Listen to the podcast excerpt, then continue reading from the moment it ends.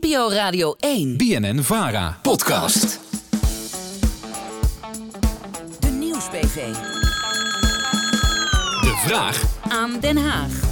Hallo redactie van de Nieuws-PV.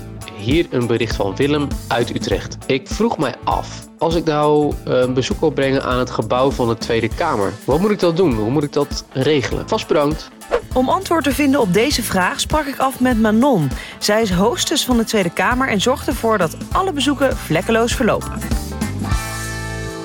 We staan hier helemaal bij de ingang van de Tweede Kamer. Kan je de, hoe kan je hier eigenlijk naar binnen? De mensen kunnen zich online eh, via de Tweede Kamerwebsite aanmelden. Op het moment dat mensen in de stad zijn en ze denken van we willen graag de Tweede Kamer bezichtigen, kunnen ze hier op het apparaat aanmeldcel kunnen ze zich aanmelden. En mag iedereen gewoon naar binnen?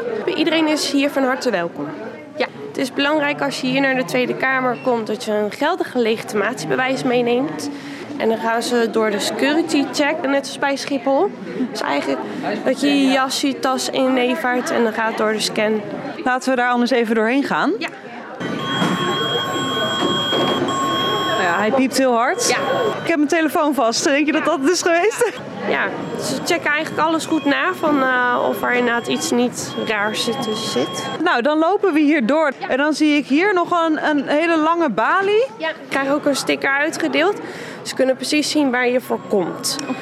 Je kan niet met elke sticker kan je overal komen. Nee. nee. Als je net door de beveiliging bent gekomen, door het poortje en je hebt je sticker gekregen, dan kom je hier binnen en dan zie je die hele mooie grote statenpassage. In de Statenpassage hebben we de winkel en de garderobe. De telefoon mag wel mee, maar wel op stil.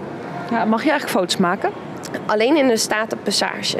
Dus eigenlijk alleen maar hier waar we nu op dit moment staan. Ja. En er staat hier ook een maquette waarin alles is nagebouwd, de hele Tweede Kamer. dat is voor mensen die uh, slechtziend zijn. Die kunnen inderdaad een koptelefoon opzetten.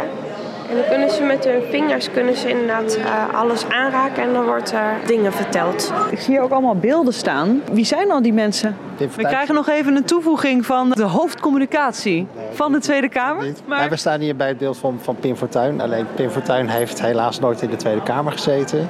Hij stond wel op de kieslijst uh, toen de moord uh, plaatsvond. Dus hij is wel op de kieslijst gekozen. Ja, helaas nooit dan de Kamerlid geworden, maar wel een zaal gekregen in de Tweede Kamer en een beeld erbij. Dus niet iedereen uh, die hier staat, die heeft per se in de Tweede Kamer gezeten, maar het zijn dan meer belangrijke politieke figuren. Het zijn meer politieke figuren. Zo hebben we bijvoorbeeld Aletta Jacobs, is ook nooit Kamerlid geweest, maar heeft zich wel ingezet voor het algemeen kiesrecht.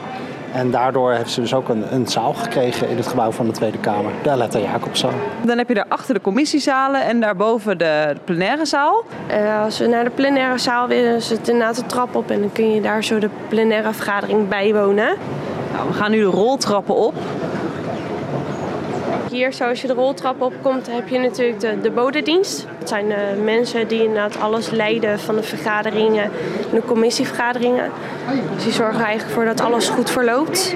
We hebben een deur naar de publieke tribune. Daar zo loop je naar door en dan kan je plaatsnemen op de tribune. Zullen we daar even heen gaan? Ja, zeker. De stemmingen zijn bezig. Ja. Dus uh, we moeten heel stil zijn. Ja, dat klopt, inderdaad.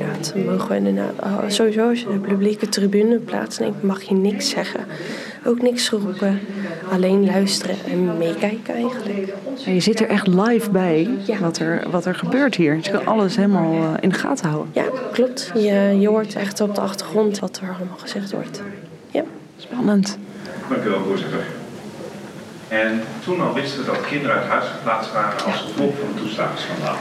Ik zie hier ook heel veel schoolklassen lopen. We hebben zeker gemiddeld 25 tot 30 klassen per dag die inderdaad uh, komen. Ja. Dat zijn flinke aantallen. Ja, zeker. Vaak is het ook dat ze op school politieke onderwerpen hebben en dat het juist dan van belang is dat ze naar de Tweede Kamer komen om te kijken van hoe werkt het. Stel je komt hier uh, spontaan aan. Kan je dan hier ook gewoon een rondleiding krijgen? Is er bijvoorbeeld elk uur een rondleiding die uh, door de Gaat? Nee, niet op de dag zelf. Dat moet je echt van tevoren reserveren via ProDemos inderdaad, de website. Ja, Dat uh, staat los van uh, als je als bezoeker gewoon een dagje naar de Tweede Kamer komt. We hebben de Statenpassage gezien, we hebben de plenaire zaal gezien, commissiezalen zijn we langsgelopen. Uh, waar kan je allemaal nog meer naartoe?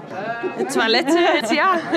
Dan is het rondje weer klaar. Dus je kan niet de gangen op van de politieke partijen of naar de pers, daar kan je allemaal niet naartoe. Nee, nee, dat is niet mogelijk. Dat is niet toegestaan. Wat is nou jouw favoriete plek hier in het gebouw? Ja, toch waar ik zelf werkzaam ben. Inderdaad in het winkeltje. En inderdaad ook mensen helpen. Ja, en als je mensen een tip wil geven die thuis zitten luisteren en denken, nou ik wil wel langskomen. Welke tip zou je dan een bezoeker mee willen geven? Wat ik vooral mee wil geven is, uh, wees geduldig en probeer ja, een leuke dag ervan te maken.